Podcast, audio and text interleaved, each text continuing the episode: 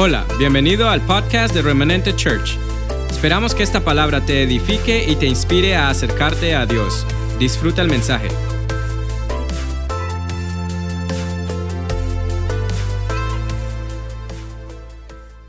Buenos días a todos esta mañana. Pues especialmente los que nos están viendo en Facebook y en YouTube. Esta mañana realmente es un servicio online no tenemos mucha gente aquí, nomás los que estamos sirviendo, pero igual sabemos que la presencia de Dios está con ustedes, que el Espíritu Santo está ahí liberando esa gloria que Dios ha depositado sobre nosotros como hijos y que nos permite caminar en esa dimensión de la presencia de Dios, que nos permite activar esa presencia que hay dentro de nosotros. A veces pensamos que, que necesitamos de algo sobrenatural para que Dios se manifieste. Está bien, Dios siempre es sobrenatural, pero de una manera natural mora en nosotros, porque nos ha sellado con su Espíritu Santo. Amén. Vamos a orar y vamos a, a comenzar con la palabra esta mañana. Yo sé que su corazón está preparado, siempre está preparado, siempre los hijos de Dios debemos estar preparados para la palabra porque la revelación nos pertenece a nosotros. Así que esta mañana declaramos que, el Espíritu de Dios se conecta, está conectado con nuestro Espíritu. Y, y, sabemos que esa gloria de Dios en nuestra vida hace que la palabra sea impactada, implantada, injertada en nuestros corazones. Padre, bendecimos tu santo nombre y te damos gracias por la bendición de poder predicar tu palabra, por el privilegio, por tu gracia, por tu favor. Porque más allá, Señor, de nuestra humanidad, tú nos escogiste para servirte, para ser instrumentos tuyos, Señor. Y ese privilegio y ese derecho nos lo da el hecho de que somos tus hijos. Y Padre, esta mañana como hijos venimos y estamos delante de ti, Señor, en tu presencia. Como lo dijo Elías, vive el Señor en cuya presencia estoy más allá de su situación, más allá de estar escondido en una cueva. Él sabía, él sabía que sabía que estaba en la presencia del Señor. Aleluya. Padre, y esta mañana declaramos, Señor, espíritu de revelación en el conocimiento de Cristo, para que, Señor, esa palabra que, que llega a nuestro corazón, a nuestra mente, no caiga en tierra, sino que haga aquello para lo que tú la envías, Señor cumpla su objetivo, cumpla su propósito y regrese a ti, Señor amado, habiendo cumplido, porque tu palabra es vida, en el nombre de Jesucristo. Amén y amén. Voy a correrme un poquito, es que me da la impresión de que me voy a estrellar con ese piano. Bendecidos, hoy es el último día de, de los 21 días de ayuno y sabemos que Dios ha estado obrando en nuestras vidas, en su vida. Dios ha estado respondiendo a nuestro clamor, a nuestras oraciones. La palabra que ha venido cada día ha, hecho algo en nosotros. Yo, he oído personas que, que, han dicho cosas muy especiales. Cada persona que ha estado aquí en, cada día en vivo trayendo esa palabra de fortaleza, de consuelo, de libertad, de restauración, de sanidad, ha hecho un impacto a través del Espíritu Santo en nuestros corazones. Y hoy sabemos, en medio de esta nevada que estamos recibiendo, eso es un buen augurio, por decirlo de esa manera, de que podamos cerrar eh, este ayuno en medio de esta nevada, porque la nieve representa muchas cosas en la palabra.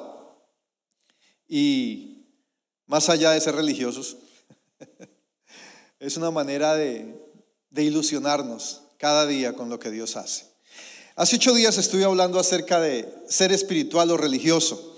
Y sé que ha sido un tema que, que ha creado cierta comodidad e incomodidad. Siempre será un tema que creen nosotros comodidad e incomodidad.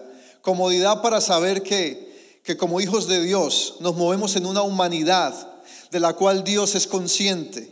Y esa humanidad nos permite eh, poder avanzar aún en medio de circunstancias donde a veces fallamos o a veces no, no, no acertamos. Pero como lo decía en algún versículo hace ocho días, Isaías 35, 8, el que camina por este camino de hijo de, la naturaleza de Dios, de la mano de Dios, por torpe que sea, no se extraviará. Y voy a hacerle un, pequeño resumen de lo que estuvimos hablando hace ocho días, espiritual o religioso. Primero que todo, la, religión nos trajo una esclavitud de preceptos, de, de dogmas, de reglas, de conceptos, de posiciones, de criterios.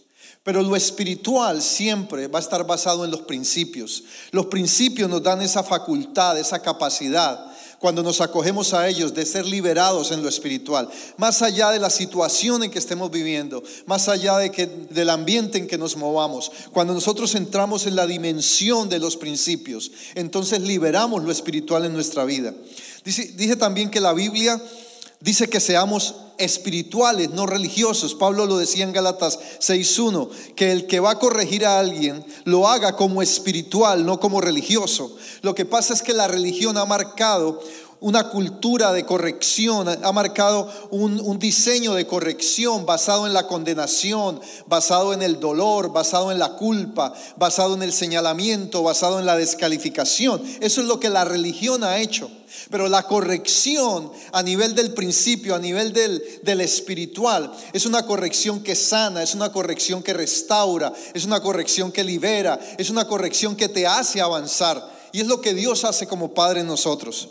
Lo otro que dije fue que eh, el espiritual se considera a sí mismo, lo dice la palabra, antes de de juzgar a otro. Pero el religioso primero juzga para compararse con lo bueno que él es. Jesús fue implacable con la religión, fue implacable con los religiosos, fue directo con ellos. Les dijo, ustedes invalidan la profecía, la palabra, por causa de su tradición. Y, es interesante cómo Jesús calificó al ladrón con relación al religioso. Cuando la palabra dice en Juan capítulo 10, versículo 10, que el ladrón no vino sino para matar, hurtar y destruir, pero que Él vino para dar vida en abundancia. Siempre hemos asemejado ese pasaje con relación al enemigo, al diablo, pero cuando nosotros leemos el contexto, los versículos 9, 8, 7, 6, vemos que Jesús realmente se estaba refiriendo a aquellos que vinieron primero. Estaba hablando de los fariseos, estaba hablando de, los saduceos, estaba hablando de aquellos que dominaban el Sanedrín en, en medio del pueblo. Eran esos 72 hombres que, se encargaban de establecer preceptos, de establecer reglas, de establecer leyes, pero que en un momento dado se acogieron fue a, esos dogmas que ellos habían establecido y estaban reclamándole a Jesús porque sus discípulos no se lavaban las manos, por ejemplo, porque hacían ciertas prácticas que se salían del orden de sus reglamentos. Pero Jesús les dijo, aquellos que vinieron primero, vinieron a matar, a hurtar y a destruir. Pero Él ha venido para que tengamos vida en abundancia. La religión nos ha robado, la religión nos ha quitado, la religión nos ha estancado. Pero Cristo está hoy aquí en tu vida para hacerte avanzar. Y estoy resumiendo, por eso estoy hablando así como recitado. Dije que la religión mira la apariencia. La religión mira la apariencia, pero lo espiritual, el espiritual mira el corazón. ¿Cómo la religión se basa en la motivación, en la emoción, en, el, en, lo visual, pero el espiritual se basa en el corazón. Dios confrontó a Samuel cuando estaba escogiendo a David y le dijo, ustedes miran la apariencia, pero yo miro el corazón. O sea, lo que Samuel hizo cuando fue a escoger a David, cuando fue a orar por David, cuando estaba buscando el, el rey que Dios quería ungir, él realmente actuó como un religioso. Él buscó la apariencia física, la apariencia que le permitiera ver quién era realmente calificado. Pero Dios ya tenía y había escogido a un hombre que, del cual dijo que tenía un corazón conforme a su corazón. Escúchame esto, aún a pesar de su pecado. Porque cuando Dios le dijo a David que su corazón era conforme a su corazón, David ya había fallado, David ya había caído, David ya había mandado a matar a Urias. Porque eso fue lo que pasó. Lo puso en el frente de batalla para que muriera. Entonces, cuando vemos esto, podemos entender realmente, ir rompiendo ese esquema, ir rompiendo esas estructuras religiosas que hay en nuestra vida. Podemos ver cómo la santidad en la religión se basa en lo que se hace, pero la santidad dentro de lo espiritual se basa en lo que somos. ¿Quién soy yo? Determina mi santidad. Porque la santidad no tiene que ver con una, una, serie de conductas. La santidad tiene que ver con separación, con saber que fuimos separados para Él, que fuimos separados por Dios y para Dios. Entonces, es importante entender dentro de este contexto que la religión siempre nos llevará a, a, buscar qué hacer, a buscar cómo hacerlo, pero lo espiritual nos va a llevar a determinar lo que hay en nuestro corazón. También estoy hablando de que el religioso no camina en verdad, sino en dogma, en regla, en precepto. A, diferencia del religioso, el espiritual tiene la mente de Cristo. El espiritual busca pensar como Cristo. Y cuando tú tienes la mente de Cristo, tú tiendes a actuar como Cristo. Porque vas a pensar como Cristo. Porque vas a pensar, de acuerdo a principios. Jesús no, no, operaba en sus propios conceptos. Cuando él estuvo en Hexemaní, él, quería dejar todo aquello. Eso era lo que su criterio lo llamaba a hacer. Pero él operó por el principio. Él sabía que sabía a qué había venido. Y entonces, ¿qué hizo? Obedeció. Aunque no quería, aunque su humanidad se resistía, él era un hombre espiritual. No porque tuviera divinidad, no porque fuera Dios más bien, porque divinidad sí tenía. No porque fuese Dios, sino porque él sabía que a través de la palabra él operaba en lo espiritual, operaba en el principio. También hablamos que el espiritual no depende de señales. Y esto yo sé que es algo que, que rompe esquemas que rompe paradigmas, que rompe estructuras, porque siempre hemos estado basados en señales para entender o conocer la voluntad de Dios. Pero la voluntad de Dios es simple, es sencilla. Dice la palabra en Filipenses, que todo lo bueno, todo lo justo, todo lo honesto, todo lo puro, todo lo de buen nombre, si alguna virtud, si algo digno de alabanza, en esto pensá. Ahí yo encuentro la voluntad de Dios. Muchos están buscando la voluntad de Dios en una señal. Diosito, mándame una señal. Te lo pido así, te la pido así. Dame una señal. Y por ahí se le atraviesa alguien en televisión y dice, esa es. Entonces, cuando estamos buscando señales, vamos a estar, escúcheme, esclavizados de la motivación, de la apariencia y de lo que hacemos. Pero cuando buscamos ser espirituales, Dios solamente, escúchame, Dios solamente quiere que tú y yo miremos nuestro corazón. Porque es ahí donde Dios deposita su diseño, su propósito, su voluntad. La voluntad de Dios. Cuando, cuando leemos ese pasaje de Romanos, empieza la cabeza a liberarme palabra. Y cuando vemos ese pasaje de Romanos, donde dice, cerca de ti está la palabra, en tu boca y en tu corazón. Ese pasaje de Romanos está haciendo alusión o está haciendo referencia a un pasaje de Deuteronomio donde dice, ¿dónde está la palabra? No está al otro lado del mar, no está al otro lado del universo, está cerca de ti, ¿dónde?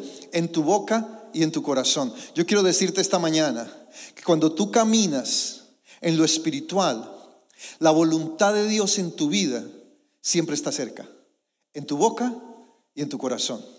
Eso es caminar como espiritual. Más allá de lo que siento, más allá de lo que veo, más allá de lo que sueño, lo cual es importante en un momento dado, más allá de la apariencia, más allá de lo que hacemos, más allá de cómo veo la santidad, cerca de ti, cerca de mí está la palabra. Entonces, habiendo resumido esto, nosotros, tú y yo, como espirituales, vamos a manifestar el carácter, la naturaleza de Cristo en nuestra vida más allá de la batalla que tú y yo estemos librando hoy, más allá de la lucha que, que constantemente a veces liberamos en nuestra mente, temores, situaciones, penas, dolores, circunstancias, dificultades, decepciones, más allá de todo eso. Escúchame, eso no nos, no nos quita el derecho de caminar como espirituales. La religión nos estableció un patrón de conducta para que nosotros fuésemos espirituales. Pero en Cristo, escúchame, Dios Jesús es quien establece a través de su naturaleza esa libertad espiritual en nuestra vida, donde sabemos que lo espiritual ya fue establecido, ya fue implantado en nosotros, la naturaleza misma de Él, para que yo empiece a liberar, para que yo empiece a crecer, para que yo empiece a restaurarme, para que yo empiece a caminar en la voluntad perfecta de Dios.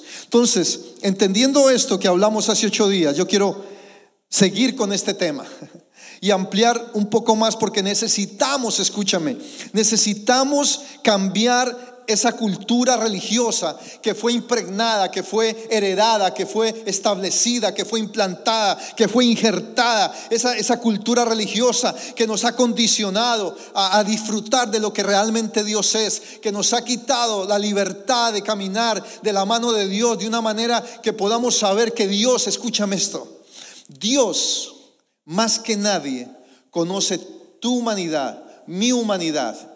Y Él no se mueve en nosotros por nuestra humanidad. Él se mueve porque Él ve a Cristo en tu vida. Él se mueve porque Él ve la naturaleza divina de la cual nos ha hecho partícipes. Él se mueve porque Él sopló de su aliento de vida, de su nechamá en nosotros, aún a pesar de nuestra debilidad, aún a pesar de nuestra lucha, aún a pesar de que nos descalificamos o nos descalifiquen, lo que Dios está viendo hoy de ti es a Cristo.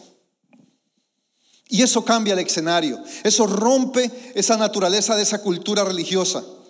Ya me voy a calmar. Y esa cultura religiosa nos trajo vicios.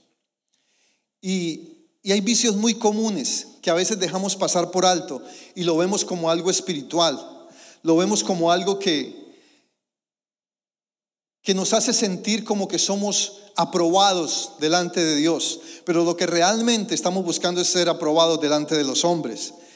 Y esa cultura religiosa se ha expresado en un lenguaje, en una manera de pensar, en una conducta, en, una, en la manera de hacer iglesia. ¿Cómo hay de religión en nosotros al momento de hacer iglesia? ¿Cómo hay de religión en nosotros al momento de alabar y adorar? Necesitamos romper esa estructura para que la iglesia avance. Y alguien tiene que levantarse, hombres y mujeres se están levantando hoy a romper esa estructura, atreverse a quebrantar esos esquemas religiosos que hombres y mujeres hemos establecido a través de los años con una predicación de condenación, con una predicación que a veces es invivible. Pero yo quiero decirte algo, a pesar de tu humanidad, a pesar de mi humanidad, Cristo mora en mí, Cristo se manifiesta en mí, el Espíritu se manifiesta en ti y a través de eso tú puedes reconocer esa naturaleza espiritual en tu vida. La, escucha, la religión, y estos son algunos de esos vicios que nosotros hemos manifestado y necesitamos romper y alguien los tiene que decir y yo lo voy a decir esta mañana. La religión nos llevó a establecer una división entre el altar y la audiencia. ¿A qué me refiero? La religión nos volvió cultistas, donde están los de acá y los de allá. Y una frase muy coloquial y muy común es, al altar se suben los que están santos, porque si no estoy santo, contamino el altar. Qué mentira religiosa esa. Este altar es un altar físico. Este altar simplemente, a lo que llamamos altar, es una plataforma porque el verdadero altar, de acuerdo a la palabra, somos tú y yo. Yo soy el altar, tú eres el altar donde mora Cristo, donde se adora a Cristo. Yo adoro a Cristo a partir de mi corazón, no a partir de una plataforma. Entonces nos volvimos codependientes de la adoración y empezamos a adorar a un Dios ausente. Y por eso empezamos en cuando venimos nos reunimos buscando la manera de que Dios baje, de que Dios descienda cuando Dios realmente mora en tu corazón. Entonces esa manera de pensar es una manera religiosa. Y las, y las iglesias hemos patrocinado por años, por siglos, esa manera de pensar, de creer que para que tú realmente Dios se manifieste en tu vida, tú tienes que venir y depender de una adoración que cree y establezca un ambiente para que Dios se manifiesta. No, eso no dice la palabra. La, la alabanza y la adoración es una forma de conectar con Dios, es una forma de reconocer que yo camino en obediencia para Dios, es una forma de reconocer que Dios es mi Dios, es mi Padre, es mi Señor. Para crear un ambiente para que la palabra entre a mi corazón. Entonces hemos dependido del altar. Y eso es culto. Hemos dependido de la plataforma para saber si la gloria de Dios se manifiesta o no se manifiesta. Eso es religión. Hay que romper esos esquemas. Y esas expresiones como no contaminemos el altar, refiriéndose al lugar donde se predica, creó una jerarquía. Y entonces aquí se suben los aprobados, los que han sido calificados, los que han sido habilitados. Pero yo quiero decirte esta mañana, este lugar, como ese lugar de allá, es para los hijos. Porque hay derecho legal. Porque tú eres un altar, como yo soy un altar, como predicador soy un altar y tú como hijo eres un altar. Pero yo más que predicador, soy un altar porque soy hijo. Tú eres un altar porque eres hijo. Entonces, Necesitamos aprender a pensar de esa forma y romper esos vicios religiosos. Dice la palabra en, Gálatas capítulo 3, versículo 28, que ya no hay judío, que ya no hay griego, que no hay hombre, que no hay mujer, porque todos somos qué? Uno en Cristo. O sea, en otras palabras, esa clase religiosa o esa clase social religiosa que el fariseísmo patrocinó de los tiempos de Jesús y desde mucho antes, porque el fariseísmo empezó 68 años antes de Cristo. Esa, esa, esa cultura religiosa todavía sigue vigente hoy en la iglesia. Y necesitamos quebrantarla para que la iglesia avance, para que la iglesia realmente sea un ente vivo que represente a Cristo. Y de esa manera convertirnos a una iglesia espiritual, a pesar de, porque una de las cosas por las cuales no hemos avanzado es porque no hemos pasado la calificación. Es porque la religión nos puso un test, una prueba, un examen, que si no lo pasamos no avanzamos. Y ahí se han quedado muchas iglesias, en la prueba, en el test. Pero yo quiero decirte esta mañana, Cristo aprobó la prueba, aprobó el test por ti y por mí. Y eso nos da la libertad de ser espirituales. Dogmas expresados en nuestro lenguaje, que se han convertido en creencias, se han convertido en eh, expresiones religiosas. Por ejemplo, si estás sufriendo de esa manera, es porque así de grande va a ser la bendición. Hello. O sea, hay una tarifa para la bendición y se llama sufrir según la religión. Eso es una mentira religiosa. Si tú estás sufriendo hoy es porque estás en un proceso de quebrantamiento y nada tiene que ver con tu bendición, nada tiene que ver con tu derecho legal. El hecho de que vivamos el proceso, no es que Dios nos meta en un proceso y esto es lo que la religión llamó prueba, prueba. Por siglos estoy en prueba. ¿Cómo estás, hermano? Ahí, hermano, en la prueba. No te preocupes. Así como es la prueba, así de grande va a ser la bendición. Mentira religiosa. No, no cargues más con, con esa mentira en tu vida. Tu proceso es parte de la naturaleza misma. Tu proceso es parte del propósito de Dios. Mi proceso es parte de lo que Dios quiere y, ha diseñado para mí. La bendición nada tiene que ver. La bendición fue diseñada para que me alcance, para que me siga, no para que yo la persiga. Y no tiene absolutamente nada que ver con ser calificado o descalificado. Estas bendiciones te alcanzarán. ¿A través de qué? De la obediencia. De mirar al reino, de mirar la justicia, de mirar la verdad. Esa bendición es un ciclo constante aprobado por Dios para los hijos. Pero la religión lo convirtió en una élite privilegiada. La bendición es para aquellos que califican. Entonces nos acostumbramos a sufrir por una bendición. Eso fue lo que nos enseñó la religión, sufrir por la bendición, pagar por la bendición. ¿Y si es una enfermedad? Oh, es que esa es la prueba. Mira, esa enfermedad, la Biblia dice que no es para muerte, es para vida, pero los religiosos le han dicho, esa enfermedad es para purificarte, es para cambiarte, es para transformarte. Nada tiene que ver. ¿Qué padre en lo natural va a querer enfermar a su hijo para que aprenda algo? Pero eso es lo que hay en nuestra mente. Detrás de la mente, sí hemos creído que hemos evolucionado y sí lo hemos hecho, pero todavía cargamos esos vicios religiosos. Hemos establecido una cultura religiosa donde su principal promotor ha sido la iglesia y nosotros los ministros. Cada iglesia ha creado su propia cultura religiosa. Eso sí, usted le pregunta a una iglesia cualquiera si es religiosa, nadie lo reconoce. Absolutamente nadie reconoce que es religioso. Pero yo hoy te estoy demostrando que aún nosotros, que estamos buscando romper este esquema y esta estructura, es porque todavía hay religiosidad en nuestra vida. Porque todavía hay líderes y pastores que manipulan y controlan la iglesia con las mentiras religiosas, donde su sistema es de miedo, de temor, de calificación, de aprobación. Tú y yo, ministro, pastor que me escuchas, no tenemos ningún derecho de aprobar o desaprobar a nadie. Nosotros no fuimos llamados al ministerio para darle licencia de salvación a nadie. Fuimos llamados para predicar la palabra, para restaurar, para amar, para sanar, para liberar. Quítate del medio, deja de estorbarle a la gente con tanta basura religiosa, con tanto concepto. Acógete a la palabra, estudia la palabra, investiga la palabra. Deja los dogmas del seminario, que todo ha cambiado, que Dios ha roto estructuras, que las cosas han cambiado, que ese evangelio religioso en que nos levantamos ha pasado de moda. Para entrar en un camino de vida, en un camino de libertad, en un camino de restauración, de sanidad.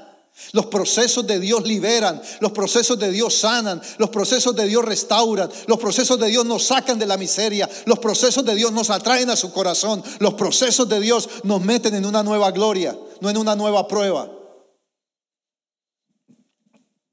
Le hemos enseñado a la gente que venga Cristo para ser bendecido, pero cuando llega a la iglesia, después de que pasan lo que llamamos el primer amor, entonces le decimos, ahora empieza la prueba para que seas pulido. No. Son mañas religiosas. La disciplina, escúcheme. La Biblia sí habla de una disciplina, pero una disciplina que instruye, que cambia, que transforma, no que avergüenza. Hay quienes todavía siguen disciplinando a la gente para avergonzarla. En vez de restaurarla, en vez de levantar la persona. O mira cuando tu hijo comete una falta, si no lo instruye, si no lo disciplina, lo pierdes.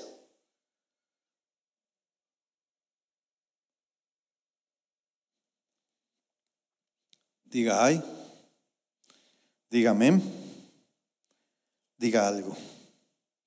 Pastores que califican la gente por si sirve o no sirve. Si, si tú no sirves en la iglesia, entonces no sirves.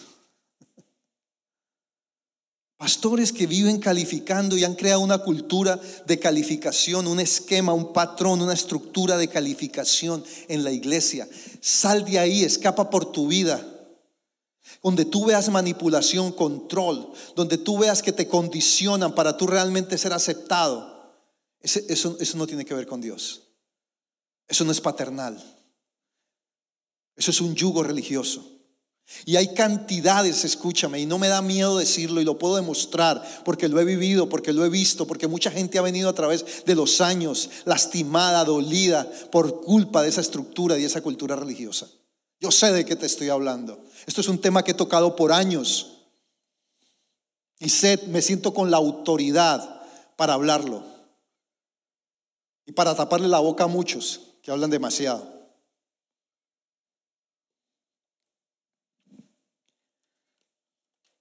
Hemos cantado canciones por años que nada tienen que ver con la palabra.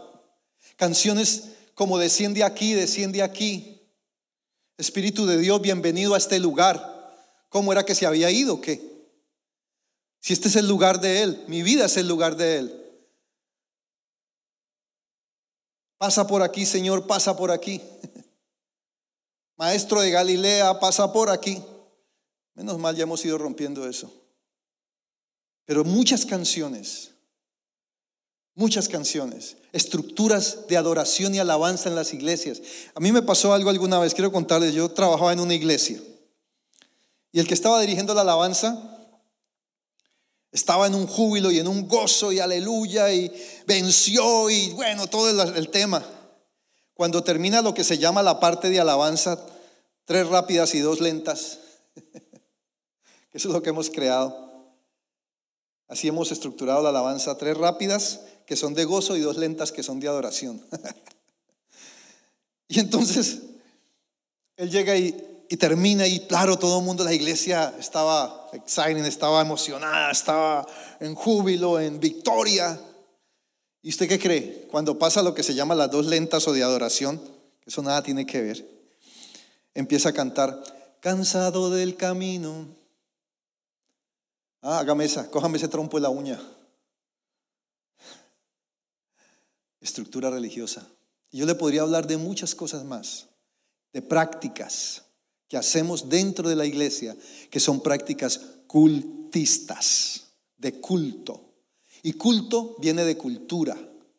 Entonces hemos establecido una cultura de culto en la iglesia basado en Babilonia, basado en lo pagano, basado en lo que nos enseñó el sistema babilónico a través de Grecia, a través de Roma, y nos inventó una estructura religiosa que la involucramos y la, y la injertamos dentro de la iglesia.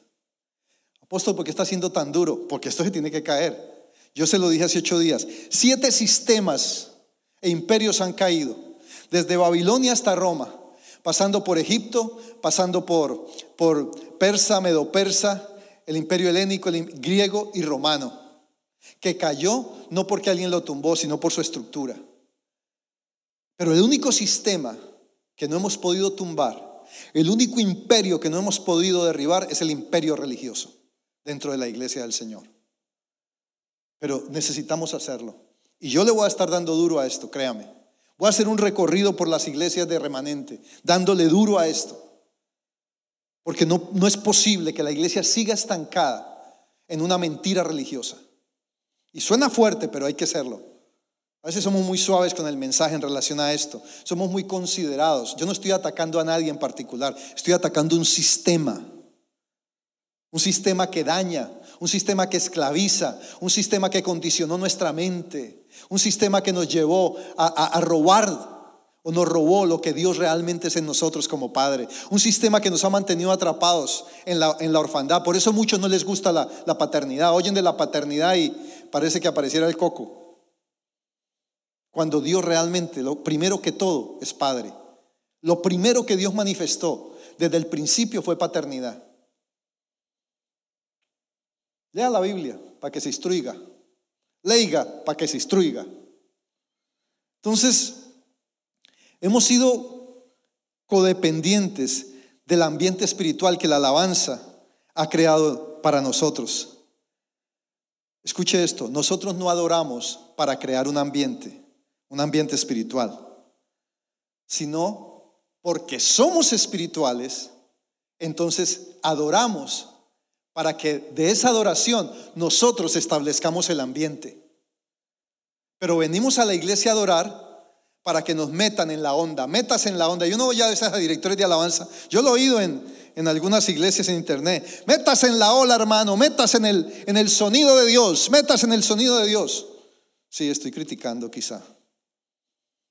Crea el ambiente, metas en el ambiente, no. El ambiente viene a través de reconocer quién es Dios en mi vida, quién es Él en el universo, quién es Dios, porque a Él es que le adoramos. No adoramos para sentirnos bien, adoramos para establecer y liberar su gloria en medio nuestro. Eso es diferente.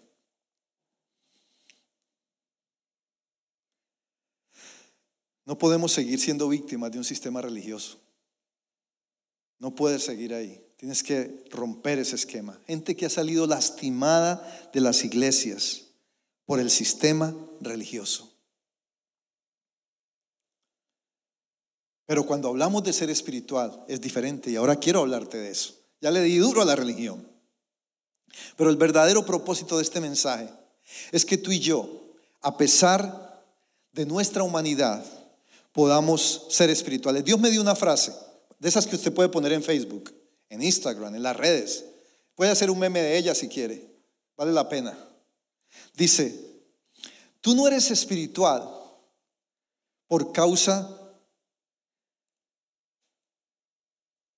A ver si lo voy a decir mejor. No somos espirituales a partir de una conducta. Somos espirituales a partir de una naturaleza. Otra vez. No somos espirituales por causa de una conducta. Somos espirituales por causa de una naturaleza, la naturaleza de Cristo en nosotros. Dice la palabra que hemos sido partícipes de la naturaleza divina en nosotros. Y eso nos hace espirituales. No la conducta, la religión nos llevó a creer, mira, arranca hoy, coge ese pensamiento y vuelve lo desechable. Y lo desechable se bota. Ese pensamiento de que la conducta me hace espiritual nos ha mantenido esclavizados. A mí me hace espiritual la naturaleza de Cristo, porque es de esa naturaleza que yo libero carácter. Es de esa naturaleza que yo libero propósito. Es de esa naturaleza que yo libero santidad. Es de esa naturaleza que yo libero obediencia. Es de esa naturaleza que yo libero transformación. Entonces no es una conducta la que me hace espiritual, sino la naturaleza de Cristo en nosotros. De manera que si alguno está en Cristo, nueva criatura es. Eso es naturaleza. Eso es lo que hace que mi humanidad vaya siendo transformada a la naturaleza misma de Cristo en la tierra como hombre. Cristo no nos demandó una conducta, Él nos demandó que su naturaleza fuese implantada porque Él sabía que a partir de esa naturaleza íbamos a ser transformados. Por eso es que dice en 2 de Corintios capítulo 3 versículo 18 que nos miremos, que seamos transformados, que nos miremos como en un espejo. ¿Cómo somos transformados? Vamos a leerlo porque aunque cito tanto ese versículo, siempre lo, lo volteo. Dice, por tanto nosotros, ¿quiénes? Todos, mirando a cara descubierta, o sea, mirando desnudamente. Si lo dijéramos a los colombianos sería calzón quitado.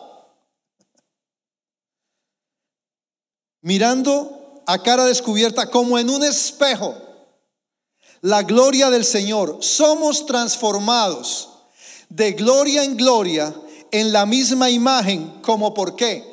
como por el Espíritu del Señor. No por la conducta, sino por el Espíritu. Eh, Romanos 8:13 dice que nosotros por el Espíritu hacemos morir las obras de la carne. No por la conducta, por el Espíritu. Significa que no hay ninguna conducta que tú adoptes que te vaya a ser espiritual. Que no hay ninguna conducta que tú practiques que te haga más santo. Pero sí hay una naturaleza por el Espíritu hacemos morir las obras de la carne. ¿Está claro o no? Yo sé de qué te estoy hablando. Y gloria al Señor y con humildad lo digo, por eso conozco la palabra. Por eso estudio la palabra.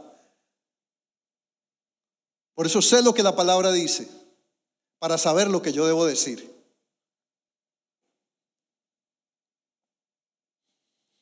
Entonces, ¿esto nos lleva a qué? Dios no quiere que seamos inhumanos. Él solo nos quiere espirituales. Él no nos quiere deshumanizar. Él nos quiere espirituales. Y espiritual significa que la naturaleza de Cristo se manifiesta en mi vida, porque esa naturaleza es la que me va a transformar. Esa naturaleza es la que me va a liberar. Esa naturaleza es la que va a hacer que yo camine en la dimensión, en el propósito, en el diseño de Dios.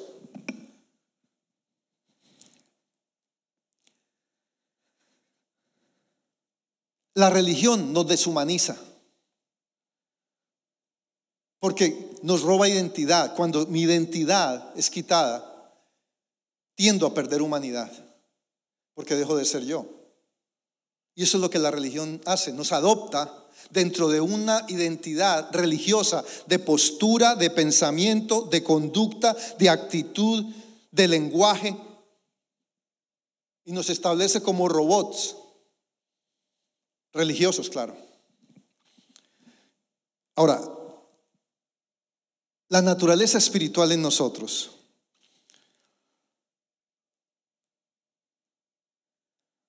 hace que seamos restauradores.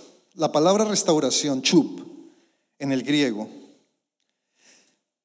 no tiene que ver con volver al final o devolverte, como si lo hace la religión. Te pone otra vez al final de la fila para que vuelvas a empezar. No. El, contexto de este chup en la palabra tiene que ver con que continúes en aquello que se te entregó. O sea, no hay pérdida. En, en el caminar como espiritual, a diferencia de la religión, tú no retrocedes, tú continúas. La religión te lleva al final de la fila. Lo espiritual te pone al frente de la fila para que continúes donde te detuviste. Chup. griego, chub. S-H-U-B, B larga, no V, B larga. B de bebé. B de no te dejes bobear más. Entonces, el espiritual, por naturaleza, por la misma naturaleza de Cristo, es restaurador. El espiritual, escúchame, ama con el amor que cubre las faltas, con el amor que cubre los pecados. Y no tiene que ver, como muchos dicen, con encubrir.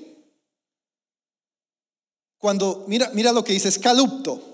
Calupto tiene que ver con ponerte el escudo por otro. Ponerte el escudo por otro. Eso es cubrir la falta. El amor que encubre multitud de faltas, de pecados. Lo que me lleva, en otras palabras, es que esto fue lo que hizo Cristo cuando está diciendo calupto. Venía algo que te iba a destruir, pero Cristo se puso al frente por ti para encubrir, para cubrirte de la falta, del castigo.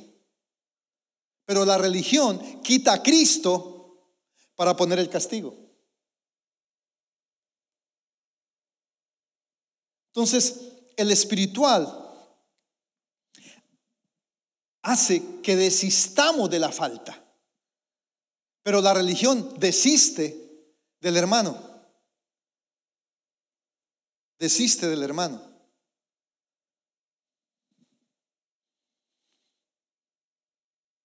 Desiste de la persona, la descalifica.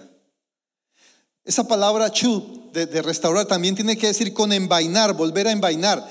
La religión saca la espada, pero lo espiritual la envaina otra vez. El espiritual camina la estramilla. La religión no. Mírelo cuando la, la parábola del, del buen samaritano. Pasaron los religiosos y lo dejaron botado. Pero pasó el espiritual y caminó la estramilla con él. El espiritual camina la estramilla. Entonces, creo que ha quedado claro esta parte. Muchos creen que para obtener la salvación o la restauración o la bendición, tienen que calificar como quien aplica para una beca o para un trabajo. Pero hoy Dios te quiere ver invirtiendo tu corazón en lo que su gracia nos trajo para hacer bendición a otros. La iglesia del Señor, escúchame, no es una estructura. La iglesia del Señor es un organismo vivo que representa a Cristo. La iglesia del Señor somos tú y yo. Y somos Cristo mismo en la tierra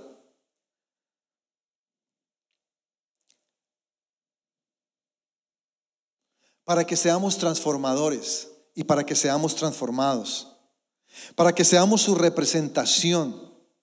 Y si esto no está pasando, de que tú y yo seamos esa representación de la gracia, del amor, del favor de Dios, entonces estamos viviendo religión.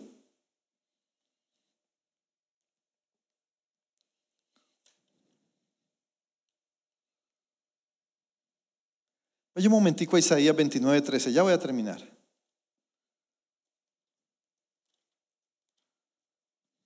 Isaías 29, 13.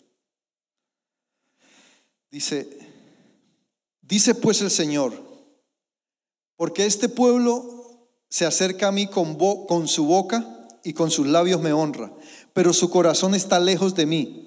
Y, su temor no es más que un mandamiento de hombres que les ha sido enseñado. Hoy, este es el versículo más exacto para lo que estamos hablando. ¿Ves cómo es declara la palabra? Pero estos versículos no se mencionan. Los religiosos no les conviene mencionar estos versículos. Están vetados para la Biblia, están vetados para la iglesia. Porque un versículo de estos te abre los ojos. ¿Qué dice? Te lo voy a parafrasear. Dice el Señor, Jesús te dice, porque la religión se acerca a Él, como lo hacían los fariseos, con su boca y con sus labios trataban de honrarlo, de lisonjear Pero realmente el corazón de ellos estaba totalmente lejos y el temor que ellos supuestamente tienen, el temor que la religión te trae, está basado en la demanda de, los mismos religiosos, en la demanda de un líder, en la demanda de una estructura, en la demanda de un sistema.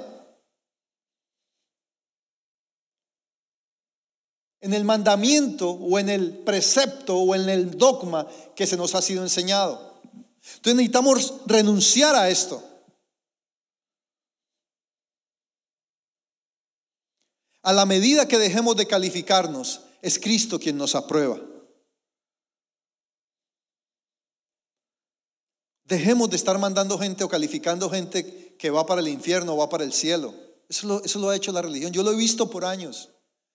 Por eso, y lo digo públicamente, a mí esos sueñitos que sacan hasta videos, perdóneme que sea un poquito displicente, pero esto lo amerita. Esos videos de YouTube que han sacado por años de que alguien tuvo un sueño y que fue al infierno. Escúcheme esto. Perdone lo que voy a decir. ¿A qué diablos Dios no va a mandar al infierno ahora? A ver qué, si Cristo ya fue. Pongámosle sentido común a esto. Acuérdense lo que le enseñé hace unos meses. Que en parte conocemos sentido común y en parte se nos revela profetizar. Entonces pongámosle sentido común a esto, porque eso la religión no lo tiene. Sentido común no tiene ni idea de qué es eso. Le roban el sentido común a la gente. Pero videos donde personas y iglesia le ha dado credibilidad a eso. Han ido es que al infierno en un sueño o en una visión y han visto personas, y no voy a decir nombres, porque ustedes saben a qué me refiero. Han visto cantantes, han visto presidentes, han visto deportistas, todos en el infierno. Pero ¿por qué el Señor no los ha llevado al cielo para que vean quién hay en el cielo? Porque eso es religión, porque eso es basura religiosa. Que darle duro a esto. ¿Ves lo que le estoy hablando? La religión crea un sistema sensacionalista. En, en, nuestros países hay unos periódicos que le llaman amarillistas, que muestran las noticias bien crudas, bien frívolas, ah, le aumentan, le magnifican. Si, si fue un chorrito de sangre, eso dejan el reguero en la foto. Así es la religión magnifica.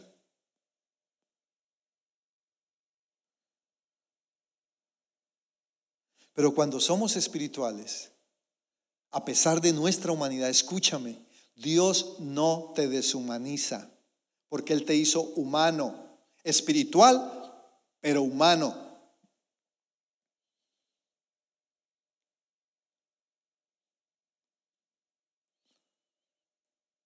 Eres un ser espiritual con genes espirituales, con genes de Dios, con genes del cielo, creado para infectar la tierra de aquello que esa naturaleza contiene.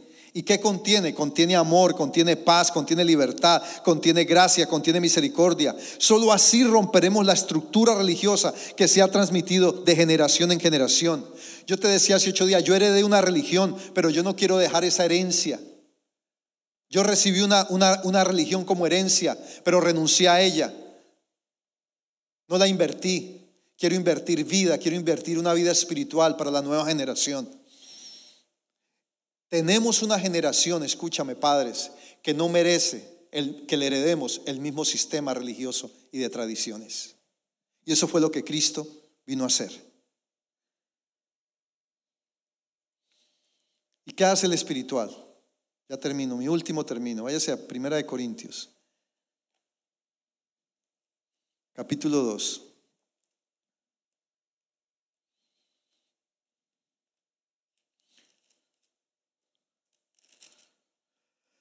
Primera de Corintios capítulo 2, versículo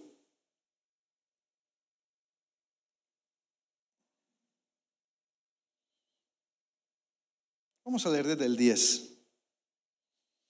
Pero Dios nos la reveló a nosotros por el Espíritu, porque el Espíritu todo lo escudriña, aún lo profundo de Dios. Porque ¿quién de los hombres sabe las cosas del hombre sino el espíritu del hombre que está en él? Así tampoco nadie conoció las cosas de Dios sino el espíritu de Dios. Y nosotros no hemos recibido el espíritu del mundo, o sea, el espíritu de la religión, sino el espíritu que proviene de Dios para que sepamos no lo que el hombre nos traza, sino lo que Dios nos ha concedido. Lo cual también hablamos, usted y yo hablamos, no con palabras enseñadas con sabiduría humana como lo hacían los fariseos, con sabiduría religiosa, sino con la que nos enseña el ser espiritual, el espíritu, acomodando que lo espiritual a lo espiritual. No hay más. Aquí no se trata de tergiversar nada. Lo espiritual es espiritual a pesar de nuestra humanidad. Pero lo religioso es lo religioso. Ya va a ver. Pero el hombre natural, religioso, porque no hay otra manera, o eres espiritual o eres religioso. No hay otra forma. No hay una manera intermedia. O caminas humanamente como espiritual o caminas humanamente como religioso.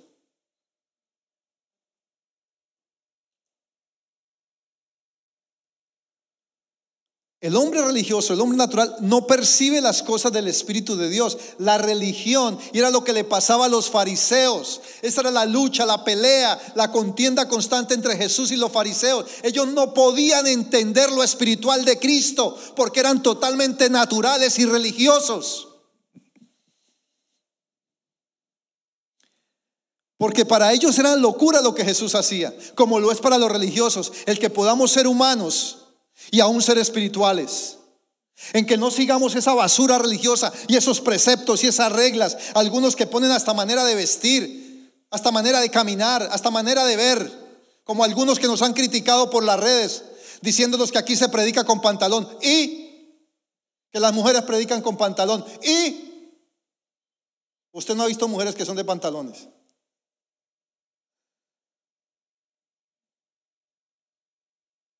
Que, porque se maquillan.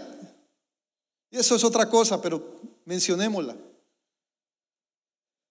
Nos han puesto en las redes, en esa iglesia, miren, esas mujeres alabando con pantalones, predicando con pantalones. Come on. ¿Cuál es el lío? Yo quisiera ver sus redes, a ver cómo está. Deje ahí. Termino el versículo, no me jale la lengua. Porque para él son locura, o sea, para el religioso son locura.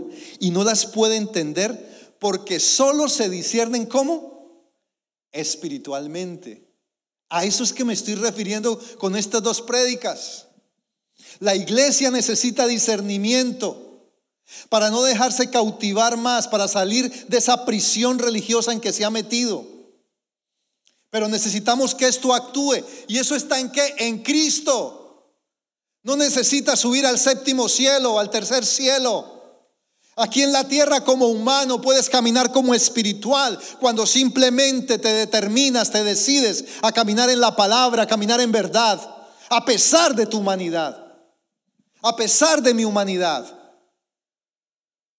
Porque si fuera por mi humanidad estaríamos en el infierno.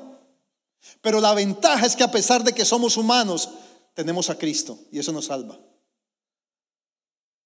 Hay naturaleza divina en nosotros, lo espiritual a lo espiritual. En cambio, el espiritual, no el natural, no el religioso, el espiritual, juzga todas las cosas, pero él no es juzgado de nadie. ¿Qué significa juzga todas las cosas? Una cosa es juzgar y otra cosa es condenar. Son dos cosas diferentes.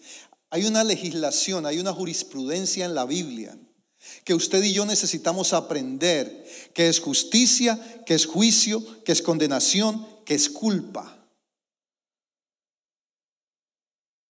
Para poder discernir, para poder entender esto que yo te estoy hablando. Nosotros caminamos en la justicia de Dios, no en el juicio de Dios. Es diferente. Acuérdese que la palabra dice que los juicios de Dios están guardados para el fin.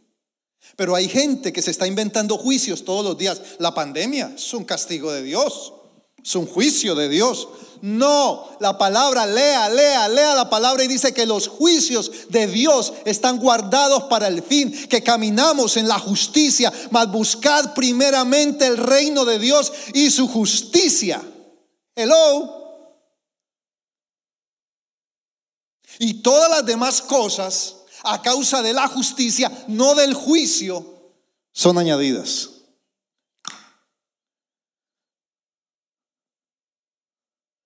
Diga ay, diga amén, diga algo. Entonces, entender esto me libera, te libera, te quita la carga que traías encima.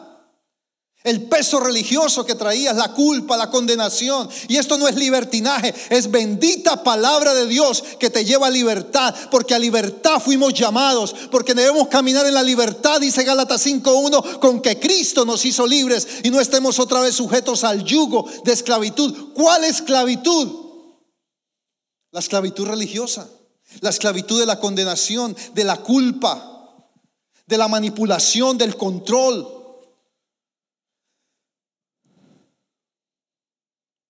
Porque ¿quién conoció la mente del Señor y quién le instruirá? Mas nosotros tenemos la mente de Cristo. Amén. Diga conmigo. ¿Es religioso? No, no, no, no, no. Espiritual. Perdón, espiritual. La próxima vez que usted lo traten de pecador, ya hablamos de eso hace ocho días, de saltatapia, roba huevos, dígale, no, no, no, no, espiritual. Espiritual. Demórese un poquito más, pero espiritual. Sí, a pesar de su humanidad, a pesar de mi humanidad, somos espirituales. ¿Por qué? Porque no hemos sido todavía glorificados. Fuimos redimidos, pero no hemos sido glorificados. Tenemos la gloria de Dios, pero nuestros cuerpos no han sido glorificados. Entonces todavía estamos expuestos a esta humanidad. Y esta humanidad, dice la palabra en Apocalipsis, es ladina, traicionera. Bueno, vigílela, porque sí nos hace bastantes paradas. Pero la religión no tiene, no fue elaborada por Dios y no tiene ningún derecho ni a juzgar, ni a condenar, ni a calificar, ni a descalificar, ni a salvar, ni a decir quién se va para el cielo, quién se va para el infierno, quién es espiritual, quién no es espiritual, quién sirve, quién no sirve. No tiene ninguna licencia del cielo para hacer eso. Porque el que juzga es el espiritual, no el religioso. Amén. Así que vamos a decirle al Señor esta mañana, espiritual espiritual. Así como dicen espiritual se ve más bonito. Así como dicen calladito se ve más bonito, usted diga espiritual me veo más bonito. Así que ahí donde está usted, dígale Señor, yo renuncio a toda cultura y a toda estructura religiosa en mi mente, en mi alma, aún en mi cuerpo. Dígale al Señor esta mañana, Señor, dame discernimiento Dame discernimiento para saber cuándo soy espiritual o cuándo soy religioso. Dame discernimiento si estoy caminando bajo el yugo de un sistema religioso, porque yo quiero ser espiritual. Dígale, yo reconozco hoy que tengo la naturaleza de Cristo. Y que a pesar de mi humanidad, puedo parecerme a Él. Como mirándome a un espejo y viendo cómo soy transformado de gloria en gloria, de acuerdo a tu proceso. Digámosle, Señor,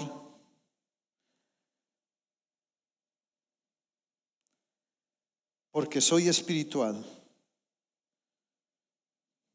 porque soy espiritual,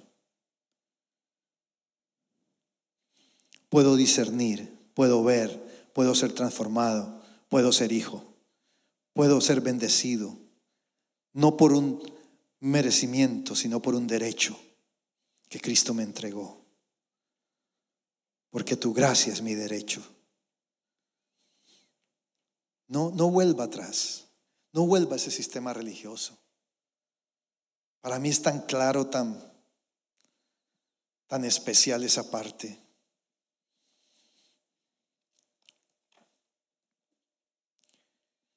Que ver la iglesia libre de ese sistema es mi sueño. Así sea lo único que predique en los próximos 50 años. Lo voy a hacer. Pero yo quiero ver una iglesia libre. Voy a decir esto atrevidamente. Tengo rabia contra el sistema religioso. Y si se atraviesa un religioso por ahí, también. Tengo molestia. Los amo, pero tengo molestia con los líderes que insisten en el sistema religioso. Porque eso es esclavitud. Porque eso es manipulación y control. Mira, pastor y ministro, esto te lo voy a decir con amor. No sé si me bajé equivocadamente, pero quiero decirte esto con amor, un poco molesto, pero con amor. Hay una mejor manera de hacer iglesia. Hay una manera de liberar el pueblo y es por la palabra. Revisa tu teología. Revisa tus preceptos. Revisa el origen de tus pensamientos. Todos tenemos una ideología como humanos, una ideología familiar, una ideología política, una ideología hasta deportiva, pero tenemos una ideología bíblica o religiosa a veces. Nuestra ideología tiene que ser bíblica, no religiosa. Revisa tu ideología, también tu teología, porque la teología te da ideología. Y la teología basada en preceptos te da religión. Y de eso hay mucho. Porque la teología que nosotros aprendimos de hace 20, 30, 40 años atrás fue basada en Roma. Y Roma viene de una ideología que se llama Grecia, donde se produjo una, una mezcla. Por eso la Biblia habla de la gran ramera y sus dos hijas.